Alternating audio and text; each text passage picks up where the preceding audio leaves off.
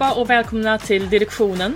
Eh, när det gäller veckans avsnitt här så har jag bara en sak att säga om dagens ämne. Jag har lagt ner så otroligt mycket tid på att läsa om någonting som jag ändå förstår så himla lite av kan jag säga. Och, och som jag fortfarande har väldigt begränsad kunskap kring. Och i, ja, vad är det nu, två och ett halvt år kanske, så har veckans gäst inte bara varit min utan tusentals andra följare på Twitters lykta i mörkret, vår livboj i stormen, vårt orakel för att inte säga frälsare, och då överdriver jag inte ens. Välkommen Felix Lindberg. Tack! Men det var snälla ord. Ja, det var en pompös inledning. jo, men det, det blir lite så här om man... För så, ja, jag har ju svårt att ta positiv kritik. Det tycker hela ja, min sambo också. Eh, så det blir lite märkligt när man... Men, men det, det är snälla ord. Trevligt. ja, men jag förstår att det känns lite ovant och sådär, men det här är ju ett jätteintressant ämne vi ska prata om idag och du har ju varit en fantastisk eh, frontfigur här med att hjälpa till med att dela mm. information väldigt generöst och du har lagt ner mycket av din tid mm. för att hjälpa, till, hjälpa oss andra som är intresserade av det här ämnet att, att uh, faktiskt få fakta och information som inte alltid är helt enkelt i det här fallet. Så jag är superglad över att ha dig här i, i podden idag. Mm. Tack. Nej, men alltså, anledningen till att jag började med det och delade så friskt var just därför att jag tänkte att fler som är kompetenta som kommer lyssna på det här, man kan sprida liksom informationen. Och då kommer det få liksom svallvågor på vattnet och så kommer ännu mer som är kunniga kunna dela med sig och ge sin insikt i det. Mm. Eh, och så har det ju blivit nu senaste, jag skulle säga, senaste året så har det kommit, jag har fått kontakt med rätt många riktigt kunniga människor eh, mm. som då delar med sig av info och hur man kan tolka olika saker. Eh, och senast in i det är ju Andreas Iverbäck som är då, han har ju patent, riktig patentkunnig, jobbat på Ericsson i 18 år.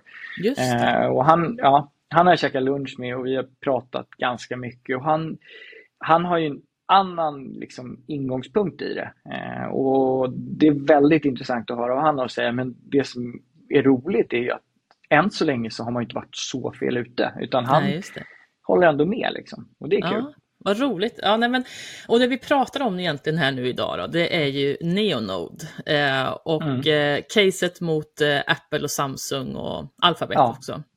Och eh, jag kan ja. säga att jag hörde för första gången talas om Neonode för det var nog tre år sedan eller sånt där i Fill or Kill-podden. det är en väldigt bra mm. tradingpodd för de som, eh, kan, som är intresserade av det, så kan jag verkligen varmt rekommendera den podden. Och, eh, men det var innan Aqueritas stämde Apple mm. och Samsung för att ha inkräktat på Neonodes patent för den här swipe-funktionen som vi alla använder i mobiltelefoner, plattor, klockor och allt vad det nu är. Men Felix, hur kom det sig att du började intressera dig för Neonode? Ja, det var nog ungefär samma podd. Ska jag Ja. Det var någon årscase-podd. Eh, och, alltså, jag, jag kommer ihåg telefonen eh, och Neonode sedan dess. Eh, och sen har inte jag tittat på bolaget och sen så när det togs upp i podden eh, så tänkte jag, ja men det här låter intressant och så kollade jag och då köpte jag en liten position och sen så kom ju Corona och då tänkte jag det här kan ju faktiskt bli bra. Eh, jag, satt, jag kommer ihåg sportlovet där när det var, det var precis när coronaepidemin slog över och allt föll. Och, och, och, då tänkte jag det här kan ju bli bra och då av den anledningen så började jag intressera mig för Neonode. Ja, och sen då så kom hela den här stämningen med Equitas och med, mot Samsung och mot Apple och då när den kom eh, så kände jag väl att det var ett vakuum. Det var mm. ingen mm. som följde den. Jag menar, de publicerade att det här hade skett eh, och sen hände ingenting. Nej, eh, och sen så var det, det var några få som började leta upp var man kunde hitta information och det kom liksom eh, men, men, det var ingen som följde eller ett domstolsdokument. Eh, så då började jag tänka att det här måste ju läggas ut för det måste vara någon som kan något som kommer kunna ge synpunkter på det här. Finns det någon värde eller finns det inte någon värde? Mm. För det här är liksom en binär option. Det är ett eller nolla. Det blir något eller så blir det ingenting. Och under då perioden så måste man kunna värdera den korrekt för att se, ja, är det rimligt eller orimligt? Eh, det. och, och, det är det som är så spännande med det här caset att den, alltså, det, det är verkligen binärt och blir utfallet rätt, då kan det bli fantastiskt rätt, alltså på en nivå som är helt osannolik. Medan vad är sannolikheten att det händer? Hur mm. ser liksom oddsen ut? Vad, vad är det för stora häckar man ska gå över? Hur ser processen ut? När kan man börja tänka att ja, men nu är det högre sannolikhet för att, och när är det lägre sannolikhet? Eh, och, och, det var ju det som var så spännande med det här. Ja, Ja, men alla kanske inte har riktigt koll på det, just för att jag håller med dig om det här att det har varit väldigt blygsam bevakning från media kring mm. det här eh, otroligt intressanta caset. Så kan inte du berätta och ge oss lite bakgrund till varför Acleritas och indirekt Neonode då är i en tvist med de här stora techjättarna? Jo, men eh, kortfattat kan man säga det att 2002 på Cebit-mässan i mars så lanserade Thomas Eriksson och Magnus Götz en eh, mobiltelefon, den första mobiltelefonen med swipeskärm.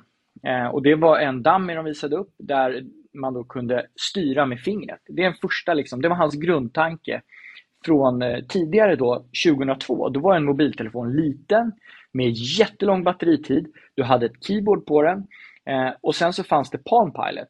Men de styrde du med en penna, en syllabus. Ja, de kommer jag ihåg. Och då tänk, ja, precis. Och de var ju liksom ja, intressanta. Men då det Magnus och Thomas gjorde, det var ju att de gjorde en mobiltelefon utan knappar. Där du styr med fingret. Eh, och då 2002 i mars, det är viktigt det här datumet, eh, så presenterar de då eh, den här första versionen på Cebit-mässan. Fick jättemycket press eh, och mycket information och det finns väldigt mycket anekdoter därifrån eh, som då återkommer i de här domstolshandlingarna. Bland annat hur Apple blev väldigt intresserade av den här och enligt då Thomas Eriksson så var Apple och plockade all information de kunde få från den här telefonen.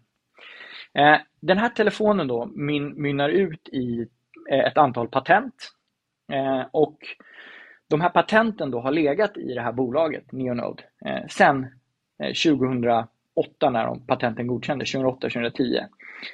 Och man har aldrig tjänat några pengar på patenten. Nej.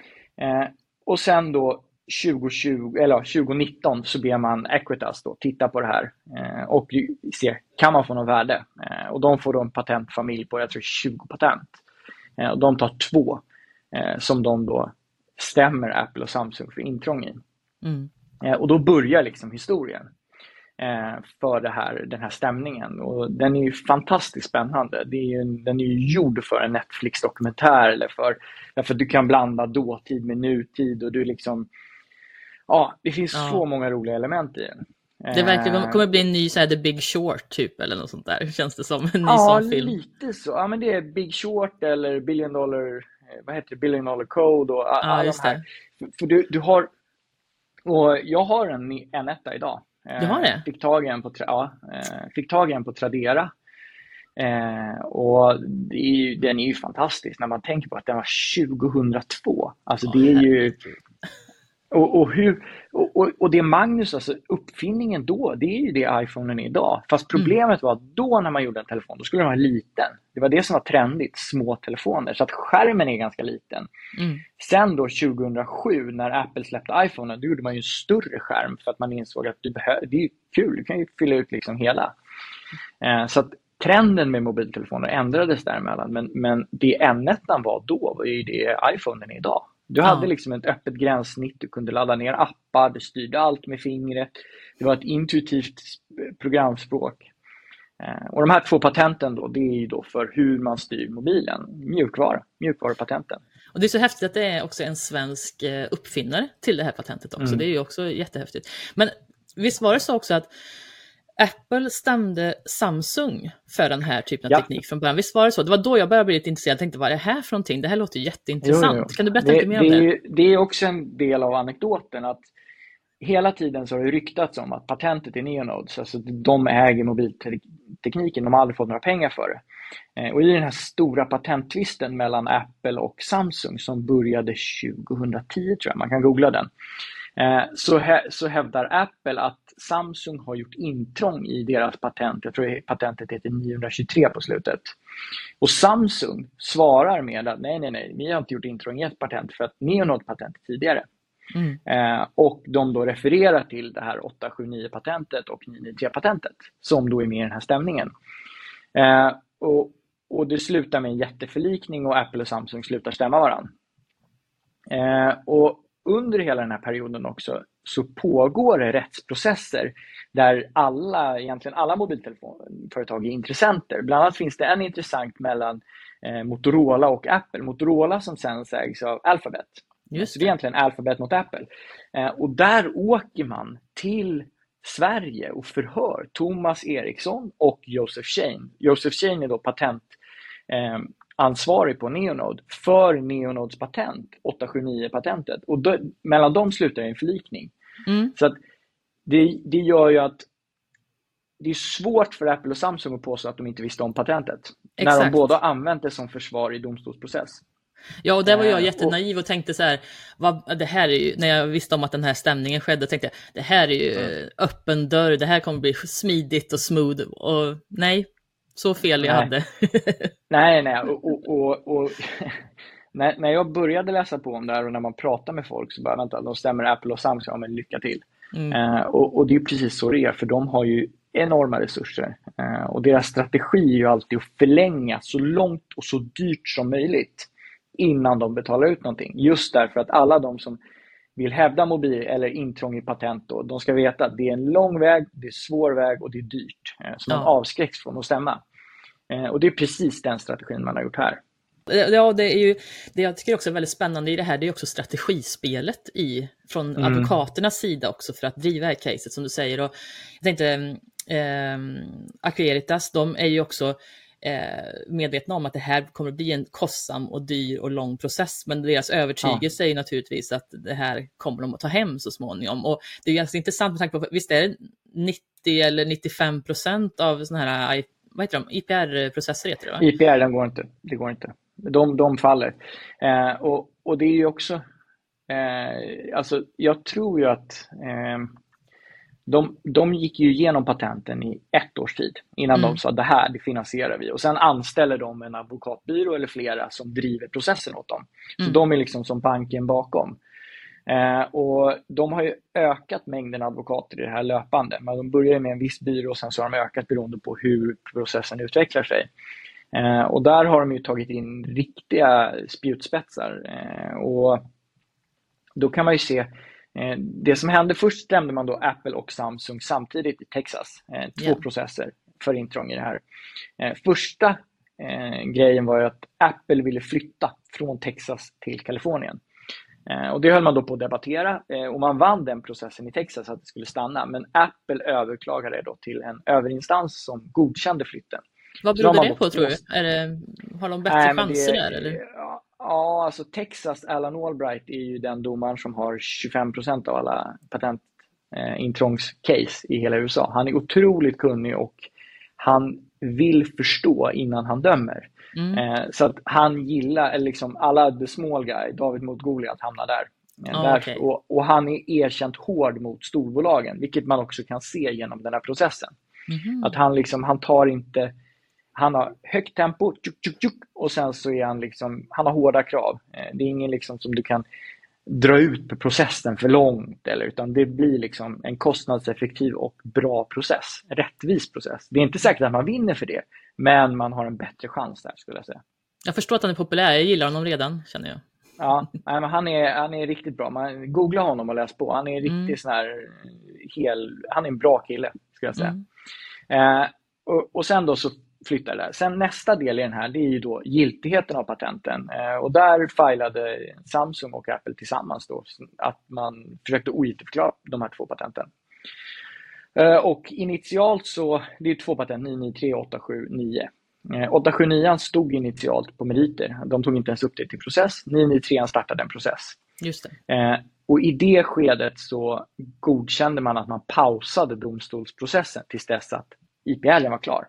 Mm. Eh, det som hände sen var då att eh, Samsung begärde rehearing, eller Samsung Apple, rehearing på 879 som också blev godkänd.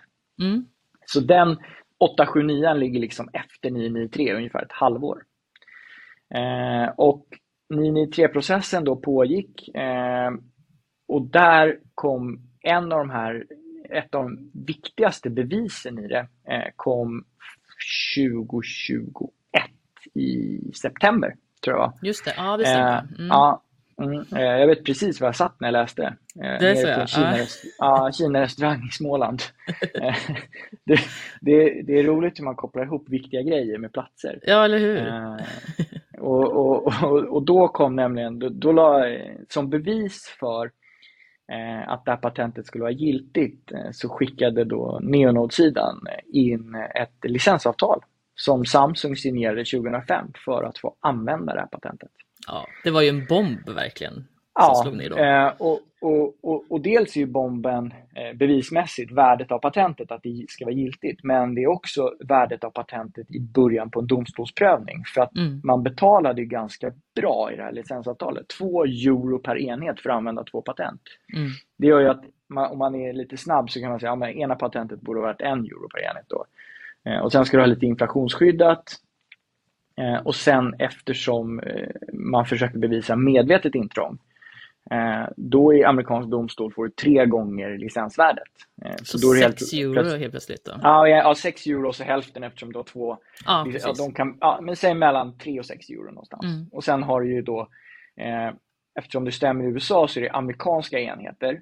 Men det finns, en sån här, det finns mängder av rättsfall där, där du har ett amerikanskt bolag eller ett bolag där du utvecklar mjukvaran i USA och sen sätter mjukvaran i globalt. Mm. Då eh, har man lyckats komma fram till att eh, patentintrånget skedde i USA för all eh, elektronik som använder mjukvaran. Just det. Och det är speciellt intressant för, mot Apple då, där du helt plötsligt har all Apples touchscreen-teknologi, alla touchscreens som sitter i Apples produkter. Ja. Det är inte svårt att räkna ihop ett par miljarder enheter då. Nej, det är helt otroligt. Men man kan eh. bara gå tillbaka, visst är det att man kan bara gå tillbaka sex år. år? Sex år? Sex år, Nej, sex år. Sex år tillbaka okay. från stämningen. Och de stämde 2020, så att det är 2014 fram till... Eh, och sen så är patentet då giltigt till 2024, ett av dem tror jag, och 2023. Så att det blir... Alltså, mängden, volymen blir stor. Mm. Eh, så kan man säga. Och, och, och, vinner de så vinner de mycket. Mm. Eh, men Frågan är, vinner de? Vad är sannolikheten? Hur ska den här optionen värderas? Det är ju det som är hela tiden så spännande. Och så händer det grejer hela tiden. Eh, och, och Då kan man ju säga det att 993-patentet, det förlorade man ju. Mm. Och det ligger nu i överklagan. Och jag, jag trodde att i överklagan att det är så att 993 började de hela tiden argumentera med att Eh, Magnus Götz och Thomas Erikssons Neonode, den var före de här patenten som Samsung och Apple har framfört som bevis. Mm. Eh, det vill säga, deras bevisträd håller inte. Eh, och man var i Stockholm och hade en, i tingsrätten två dagar förhör med både Thomas och med Magnus. Och man plockar fram massa dokument och bevis på när den här idén kom på. För det är så man säger amerikansk rätt. Det handlar inte om när du lämnar in patentansökan utan det var när uppfinnaren kom på idén. Just det. Och hur det som kallas prior det? art, eller det är någon sån term som kallas Exakt. prior art? Ja, just det. Prior mm. art. Eh, det, det är egentligen så, mm, alltså, eh, det är så Samsung och Apple försöker döda patenten. Man försöker hitta två tidigare patent eh, som gör kombinerat skulle göra samma sak. Och sen så då när man, man det handlar om patentet är, är uppenbart eller inte. Eh, och då i sån här domstolsargumentation, då säger man först etablerar man en POSA, People of Ordinary Skill in the Art. Hur såg en, vad kunde en ingenjör 2002? Mm. Och sen så säger man så här, ja men en, en ingenjör han kunde det här och det här och därför så skulle han logiskt sett lagt ihop de här två patenten och fått det här patentet. Alltså är det uppenbart. Mm. Det är samma sak, de här två patenten och, och, det är uppenbart att han skulle lägga ihop det. Så det blir liksom en juridisk karusell i tillbakablickar där man försöker liksom bevisa vad som var uppenbart då. Eh, och då finns det på andra sidan av det här argumentet finns det ju bevis för att det inte var uppenbart. Alltså kommersiell framgång och att, ja, att, att det. det, sålde mycket och så här. Och det är därför det här licensavtalet blir så viktigt. För det bevisar ju att det inte var uppenbart. Samsung Exakt. idag, 2022, säger det här var superuppenbart. Hur lätt som helst. Det, det, vilken person som helst hade gjort det här. Men 2005 då uttalade sig deras tekniska direktör som sa det här måste vi ha, vi betalar 2 euro per enhet, det här är helt unikt, den här bara vi betalar för det. Och det mm. liksom motsäger ju Samsungs argument idag. Eh, och det var det som domstolen tog fasta på då i 879-patentet eh, mot Samsung och Apple. Mm. Eh, och dömde till Neonods fördel, mycket på grund av licensavtalet. Ja. Eh, och, och, och, och, nu är det då överklagat, 879. Eh, så att Både 879 och 993 ligger i överklagan där 993 är förlorad och 879 är vunnen. Mm, eh, och 993 då, där finns det ju den här då, Magic Bullet om man lyckas bevisa tidigare conception date. Men man tog inte upp det i överklagan så jag undrar när man ska göra det. Mm. Eh, och där håller jag på grottar i, för nu då kommer ju det blir väldigt tekniskt där känner jag. Äh, ja, men det, gör ingenting. Det, det här är, Nej, alltså, för... det är lite så här som du sa i början också, att det handlar ju också, alltså kunskap kommer inte alltid lätt till en. Det, det är Nej. ingenting man läser man på löpsedeln eller på en Instagram-post, utan man måste faktiskt gräva lite och det är det som är lite kul också. Så att du får ja. jättegärna eh, liksom berätta hur du tänker. Ja, för, för, då, för då, då går vi tillbaka till liksom de ursprungliga stämningarna som nu pågår. Eh, de pausades ju till IPR var klar. Mm. Eh, och IPR var klar då i januari. Ja. Eh, och då säger domaren att, eh, eller rätt sagt, då begär Neonode att processen startar igång igen, att man ska lämna in ett schema och Samsung motsäger sig där. Eh, domaren lyssnar inte på Samsung, han säger inom en vecka ska han ha ett schema. Eh, mm. Schemat publicerades nu, idag är det den 16 februari. Samsung och Neonode gick in med en gemensam schema precis slutet på januari, domaren dagen efter sa vi kör på det här. Eh, och sen tar det då en vecka och då kan, app, eh, kan Samsung lämna in sin överklagan på 879 som har gjort och då begär de att processen ska pausas igen. Så de har lagt in en, en motion om paus. Mm. Neonode har svarat på den här och säger vi vill absolut inte pausa. Eh, så att just nu så står liksom processen och väger på en knivsudd.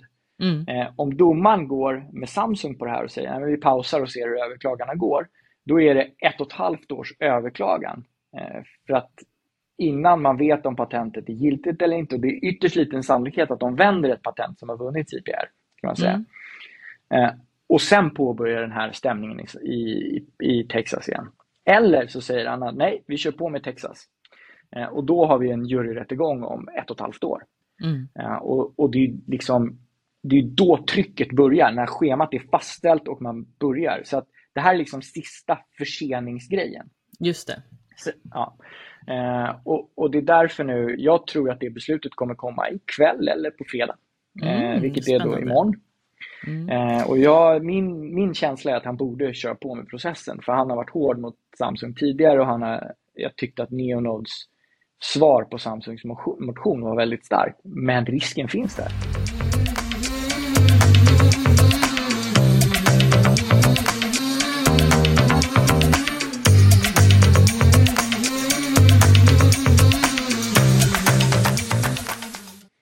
Är det så nu att det blir ett och ett halvt år till, ja då är det tre år bort till en juryrättegång och då kommer många tröttna. Så det här är liksom en, det är därför kursen nu är liksom, den står och svajar mellan 8 och 10 någonstans. Mm. Och det är just på grund av risken med ett och ett halvt år till i tidsvärde och kostnad och nyemissioner i moderbolaget. Och det är mängder av grejer som kommer upp då på det här mm. förlängningen.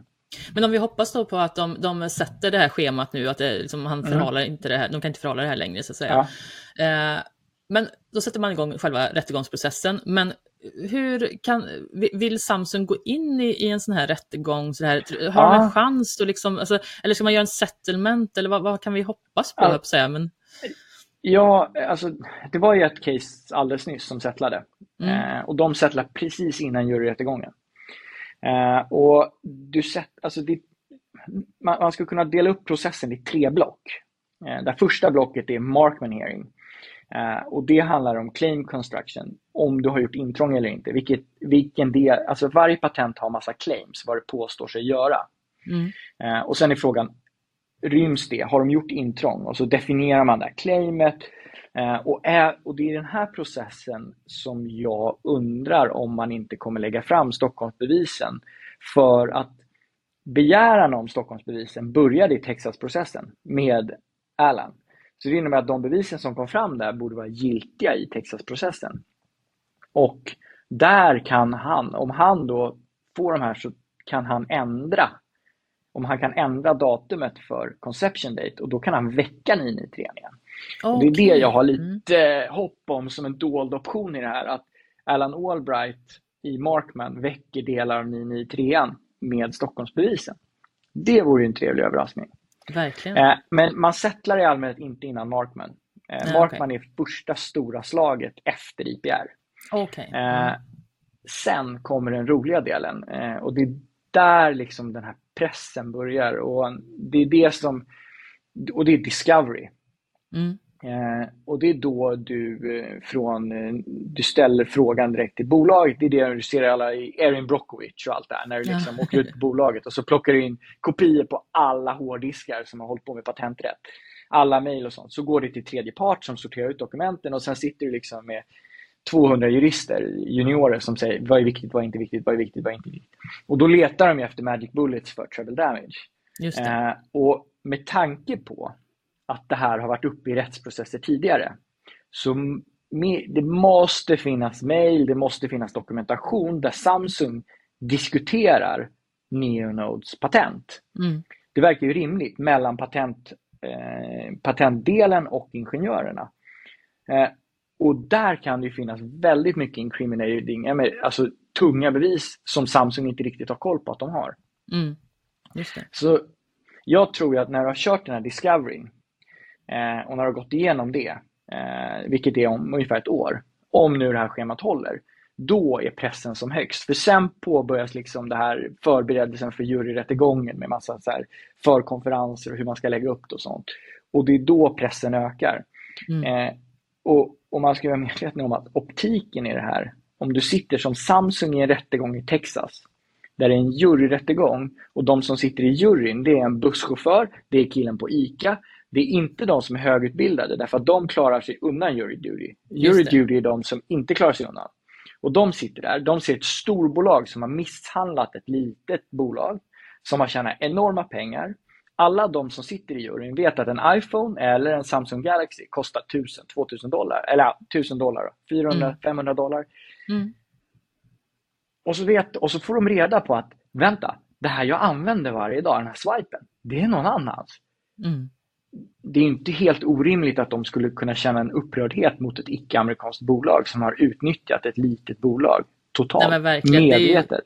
Det är ju ett klockrent David mot Goliat-case som lätt eh, lockar människor förstås. Och att, och att det är en sån produkt också som alla kan relatera till. Alla ja. använder det här i sin vardag. Liksom. Ja, och det är, så, det är det som också är så otroligt att du har kunnat haft ett sånt patent i 20 år utan att ha fått ett enda spänn för och sen helt plötsligt så är det en dold tillgång som bara puff, Mm, och, och, och, det visar också att... Och, men det är liksom första delen i det här. Det är mot Samsung. Eh, mm. Den ligger före. Sen stämningen mot eh, Apple som ligger i Kalifornien. Den startar i sommar igen. Just det. Eh, och det gör det att den ligger ett och ett halvt, eller ett halvår efter. Så att när Discovery är klar mot eh, Samsung, då, giss, då gissningsvis det är Markman klar mot Apple och så vidare. Eh, och det har en fördel. Och det är det att du kan få ett värde för patentet mot Samsung när du settlar. Mm. Det här betalade Samsung för det här. Som du sen kan argumentera med Apple. Ja. För med Apple så är det viktiga att du får med världsvolymen. Du kan pruta på, på kostnaden per enhet, men får du med världsvolymen och får det också att nej, men det här är en mjukvarupatent, vi har fått världsvolymen. Då är dörren öppen sen för att gå på Alphabet, mjukvaran i Android-telefonerna. Ja. Eh, för Alphabet är också en saga i sig. Alphabet, de kom in från sidan i den här processen. De är inte ens stämda av Equitas än. Det. Men de kom in från sidan när de fick höra talas om att 879-patentet var uppe och också försökte döda 879 i IPR. Det var väl mer rent i självförsvar nästan? Eller? Ja, självförsvar. Ja. De insåg att det här blir dyrt, det är billigare att döda det nu. Mm. Eh, så de, de kastade själva upp sina jurister eh, och eh, angrep det ganska hårt. Och Neonod vann rakt av. Mm. Och den domen kom då i januari i år också. Så att 879 har liksom stått mot två stycken IPR och mot Apple, Samsung och Alphabet. Mm. Statistiskt sett är det, om man tittar på liksom, det, de som har IPR i USA, det är Samsung, Apple och Alphabet. De har väl 80 mm. av alla IPR som pågår. Mm. Att du har ett patent som klarar sig mot de tre motståndarna som öser allt de kan. Eh, varav en gör det preemptive, alltså för att inte bli stämd, för han ser ja. risken och kostnaden det, det gör ju att man känner att det finns något där. Ja, verkligen. Det är så häftigt. Jag kommer ihåg i januari här nu när den när den verdicten mm. kom liksom så här, och eh, det stod in, nästan ingenting om det i media eller någonting. Däremot Nej. stod det väldigt mycket om att Ebba Busch Thor och Ulf Kristersson hade varit i eh, ishotellet i Jukkasjärvi och haft på sig stora fula jackor typ. Mm. Och då tänkte jag bara, men vad är det, vad är det som händer? Tänkte jag bara. Ja. Det, var... ja, men det, det är ju därför att ingen kommunicerar det. Det finns ingen officiell kommunikation från Neonode-bolaget och inte Nej. Aquitas. Och då är det så här, då är allting egentligen ja, då ska någon journalist ta upp domstolshandlingar och det är inte riktigt så enkelt, har jag märkt. Eh, men, men det är ju roligt alltså, mm. och, och, det har blivit, det är kul för att man, många, eh, nu är det väldigt många som följer det här, eh, just den domen fick, jag, jag, jag väntade att den skulle komma någon gång där, onsdagen, torsdagen eller fredag. Mm. Och onsdagen, jag satt och kollade på jobbet, jag så, åkte ja. hem och så käkade man middag och så sa fan jag kommit än, ja okej. Okay. Och så går jag lägga, ska jag gå och lägga barnen och då ringer det på telefonen och då är det en av Twitterföljarna som ringer mig och säger nu har de kommit, de vann! Ja, just det. Okej, smack. Det, var, det är rätt roligt hur, hur, ja, hur snabbt ja. det går liksom, med tekniken. Ja, så nu är det väldigt många som följer det här. Ja, jag, jag kommer ihåg, var det första december va, som 879 ja. kom där, secondary Första consideration. Kom. Ja, precis. Och, och jag bara såg, för det var det någon annan som la ut på Twitter något dokument, jag kommer inte ihåg vem det mm. var nu, men någon som la ut dokument, mm. och så här, är det här ett fake-dokument eller riktigt? Bara kolla, ja. vad skriver Felix? Vad säger Bloomberg ja. Law? Eh, har vi några nyheter? Vad händer med kursen? Alltså man, höll, man var ju mm. helt i extas där i, innan du började kommentera det här, då man kunde bara det stämmer verkligen. Liksom. Det, det var också sådana här moment som var väldigt, för här har man gått i så lång tid och bara väntat och väntat och så kommer det här liksom som en Mm. Ja, det var fantastiskt. Och där var det, den domen var ju också kul, för att då kom ju först bara att de vann, inte hur de vann. Mm. Eh, och då var det ju liksom en spänning i 15 dagar på vann de på argumentationen eller på secondary consideration. Mm. För om domarna krediterade secondary consideration, då kändes ju sannolikheten mot Alphabet mycket, mycket bättre. Ja. För det var det man förlorade på på 993. Man ansåg inte att 993 var kopplat till licensavtalet tillräckligt starkt. Medan då i 879 så var det ju, det var ju en, ja, Hendifar, när han tog upp det, att mm. det är då Neonods advokat, eh, att i avtalet så avser det en patentansökan då som var 879 och det kopplade samman det liksom totalt och då eh, kände man att det här kan nog gå. Mm. Ja, och det känns som att man man, eh, eller jag förstår, alltså det amerikansk eh, rättslig, alltså det är, rättsliga processer det är ju väldigt invecklat och eh, men man har ju förstått när man har följt och, och lyssnat på dig och lyssnat på andra intervjuer om Neonod, vilken, vilka otroligt smart strategispel det är från Handyfar och, och de andra mm. eh, också. Så att och det tror jag också en ser fram emot när filmen kommer så man kanske förstår den lite lättare så att säga, mm. för oss vanliga dödiga. Men eh, det, det är, berätta, du har också varit väldigt imponerad av liksom, eh, liksom advokaternas sätt att sköta det här. Liksom. Jo, men det är ju, allting är ju vad du ger och vad du inte ger och när du ger saker och ting och hur du låter folk svara. Och, och där, där märker man ju att de, det är ju legalt schack hur de mm. lägger upp det. Det är inte så att allt är självklart att, allt, att när delar man med sig, hur kopplar man ihop det och hur... Eh, och, och där jag skulle säga när Hendy Farr och eh, Nathan Lowstein kom in, de tog över 879 från Philip Graves i mm. januari, februari 2021. Därför att det gick inte att driva, han kunde inte driva allt samtidigt. Eh, de var otroligt duktiga på IPR-process och hur man driver. Och när man ser inför oral hearing då, det är den här eh, som en domstolsförhandling, när mm. båda sidor lägger upp sin sak för domarna och de får ställa frågor, eh, så var ju eh, det var en väldigt pedagogisk och aggressiv eh, retorik från neonodsidan som inte var i första delen på 993 kan man säga. Mm. Eh, så de är ju väldigt, väldigt vassa. Eh, mm. måste man. Det, det, det, är ju imponerande. Ja, det var ju också intressant att det faktiskt var en en del av en amerikansk eh, domstolsprocess i Sverige ju. Du var ju där då, vad var ja. det, juni va? Var det... Ja, juni.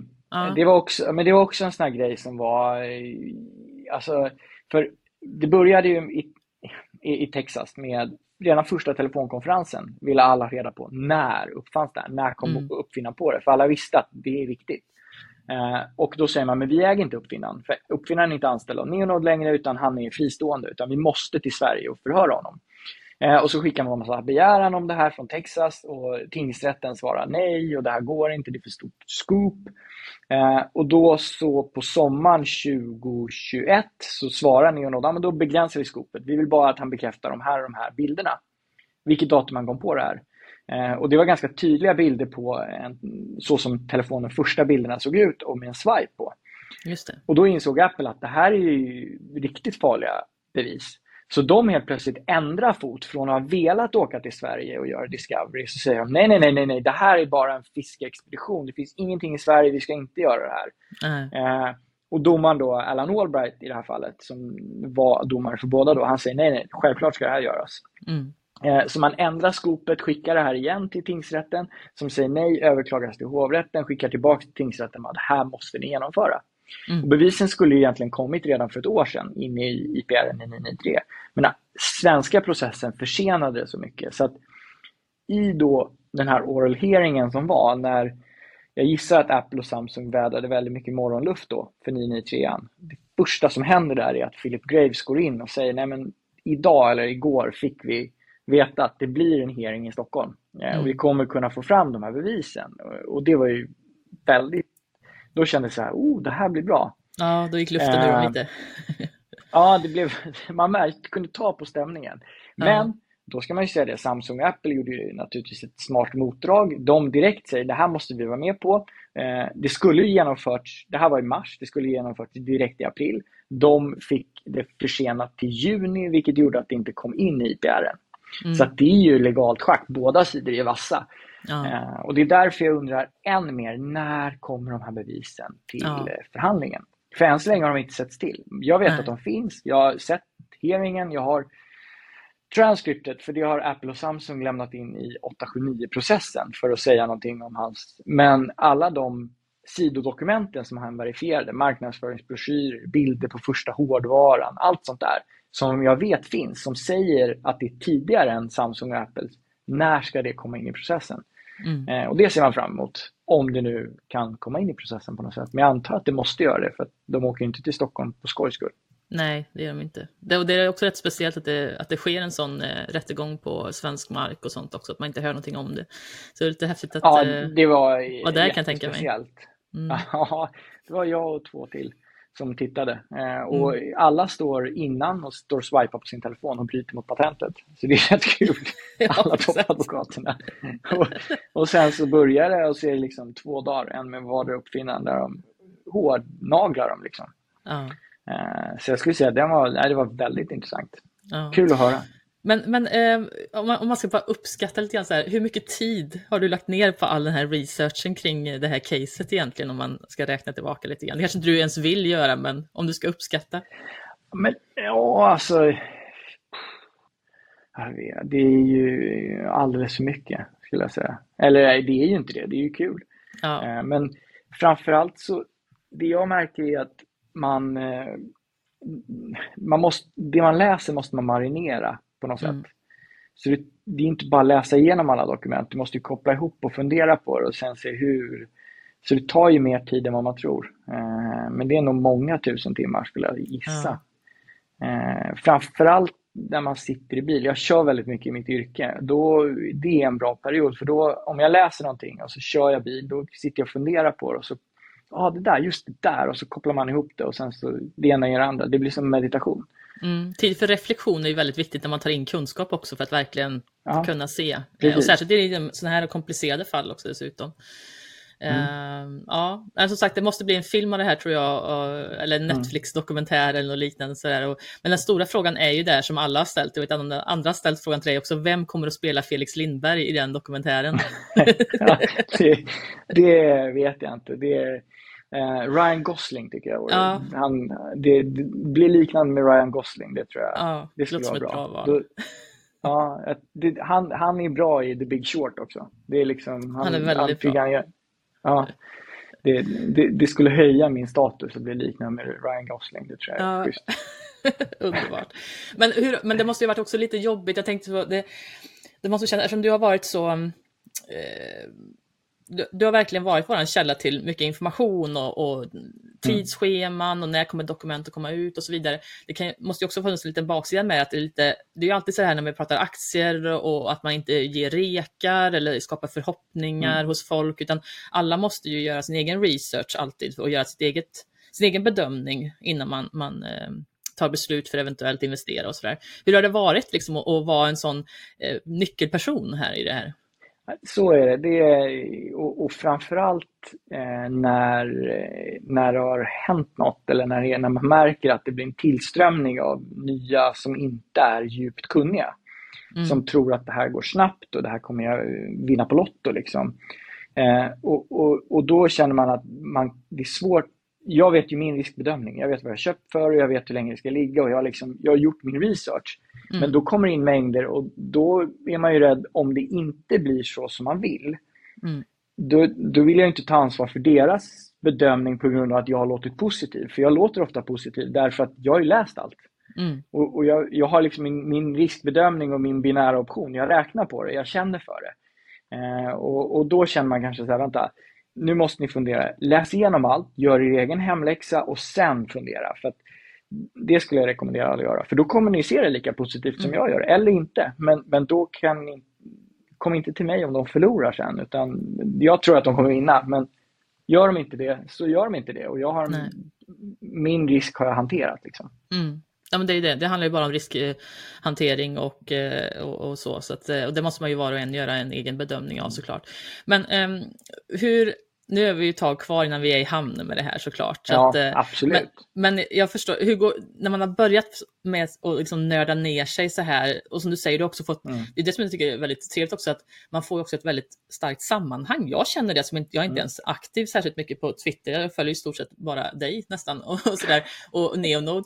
Men, men man får ändå väldigt stark communitykänsla, man eh, firar tillsammans när det går bra i processen mm. och, och sådär. Och man, som du säger också, man träffar nya människor som har ännu mer kompetens än, än sig själv och sådär. Mm. Och det är ju jättegivande och härligt. Men hur går du vidare från det här nu? Vad blir liksom nästa kick för dig? Det, det är svårt att hitta ett case som är lika spännande som det här. Eh, ja, men det är det som också är roligt. Först och främst så är det ju det, det som är glädjande är ju när det går bra. Mm. När många människor tjänar pengar på det här. Mm. På grund av liksom min initiala research, att många blir lyckliga. Det, sånt blir man ju glad av. Eh, jag hade en idé på att man skulle göra någon typ av eh, crowdfunding till eh, Magnus och Thomas om det här mm. går igenom. Så att, därför att det är så många nu som får att man skulle crowdfunda och göra någonting för dem, men det kan man ju ta sen. Mm. Men för mig så har det, man har träffat väldigt mycket roliga människor och det är inte svårt att hitta nya case. Jag har ett annat case som jag håller på med som är men det är mer likt det jag jobbar med. Där mm. kan jag se en enorm uppsida med en svensk uppfinning som är precis i skedet att kommersialiseras riktigt hårt. Eh, och det är, en, det är ett sånt case där det kommer finnas en uppdämd, en uppdämd efterfrågan och den kommer vara statligt finansierad. Mm. det är ett miljöproblem som man löser. Eh, och där är det också, samma case kan eller samma produkt kan användas på lite andra grejer och ge väldigt, väldigt bra resultat. Eh, och där, det är sådana grejer som jag tror att om de lyckas med den kommersialiseringen så är det samma, liksom, är inte samma uppsida, men det är en väldigt bra uppsida. Okej, vad spännande. Och sen är, ja, och sen, är Anna, sen, sen har jag kommit i kontakt med ett annat företag som sysslar just med det som Equitas gör. Mm. Eh, ett svenskt bolag som jag nu håller på att prata med och de Eh, ska starta en eh, ny runda eh, och ta in pengar. Så alla de som är nyfikna på att investera i sånt här, de kan ju DMa mig på Twitter så kan jag sätta ihop er. Mm. Men det är större kapital, det är en 5-10 miljoner man måste ha för att lägga in där. Men, men de är ju väldigt kunniga på sånt här. Och efter att ha pratat med dem så inser man ju hur mycket tvister det finns på olika nivåer som aldrig blir utredda på grund av att den som tvistar inte kan driva processen. Nej, precis. Eh, det, det finns väldigt mycket, och svårt. Ja, och det finns väldigt mycket lågt hängande frukt där det är liten mot stor därför att storbolaget kan liksom strunta i att betala och sen mm. så kan inte den lilla processa och lilla går i konkurs och konkursföretaget, konkursförvaltaren kan inte driva. Eh, och I sådana lägen så finns det många, många bra case med stabil liksom, intäktsflöde mm. som man kan plocka upp då. Eh, som de här gör, som de är experter på. Och det är ju en, det är en rätt kul alternativ tillgångsklass som inte finns idag. Mm. Eh, för jag menar, den, den korrelerar inte med övriga konjunkturen. Man kan nästan Nej. säga att det blir mer case i lågkonjunktur som blir bättre. Ja, det är sant. Det är sant. men det tar ju liksom tid innan det genererar, så att det är samma som med det här. Liksom. Det tar ju från det, du låser pengarna en viss period och sen så då, eh, men de har ju haft av, riktigt bra avkastning historiskt. Mm. Nej, men det, det, finns mycket spännande. Man, har, man ska verkligen ta sig tiden och nörda ner sig där, för det är också väldigt belönande, väldigt rewarding liksom när man, eh, alltså oavsett mm. vad som händer, nu tror ju vi att det blir väldigt positiv utgång på just det här caset med Neonode, men man vet ju aldrig, men oavsett när det väl är klart så är det ju en fantastisk resa man har varit med om och, mm. och, och fått Absolut. lärt sig jättemycket nya saker och, och sånt där också naturligtvis. Att, ehm, mm. Mm. Det kommer, eh, för alla de som gillar Neonode och sånt, så jag kan inte säga för mycket, men jag vet att det, under våren kommer det komma någonting eh, som man kan lyssna på som kommer vara djupare, där fler personer än jag pratar om det. Mm -hmm. eh, Spännande. Och, och, och, det är något som jag ser väldigt, väldigt mycket fram emot. Framförallt en person. Eh, mm -hmm. och, och, och det, ja, jag får inte säga för mycket, men, men den lilla bomben kan jag i alla fall ge. Att det, det kommer var intressant. Nej, men det var jätteintressant att det kommer någonting mer som vi kanske får lite mer information från kanske eh, personer och källor vi inte hört så mycket ifrån, låter det som. Något sånt där. Mm -hmm, mm. Ja. Det, det, det, är min, min absoluta uppfattning. Jag ska inte klämma på dig mer. ja, vad spännande. Ja, det ser vi fram emot. Och stort tack Felix för att du kom hit och berättade mer om det här otroligt spännande patentcaset. Det är väl det största i modern tid sett till att liksom, en produkt som alla känner till och använder sig av i sin vardag. Liksom. Så att, mm, nej, jag, jag, tror att alltså, 879-patentet om ett och ett halvt år, om det här går som man hoppas, då kan det nog vara ett av de mest värdefulla patenten historiskt. För det är, är liksom mängden konsumentprodukter som det finns i är så otroligt stor. Mm. Eh, och, och, det är ju liksom. Mm, jättespännande. Som sagt, gör er egen hemläxa och eh, jag ska väl även tillägga att jag äger aktier i Neonode. Äger du aktier? jag äger aktier. De ligger, de, de ligger i byrålådan. Kommer inte röras förrän det är klart. Nej, helt rätt, helt rätt. Bra, men då tackar vi så jättemycket för oss och önskar er en fortsatt fin vecka. Ha det fint! Hej då!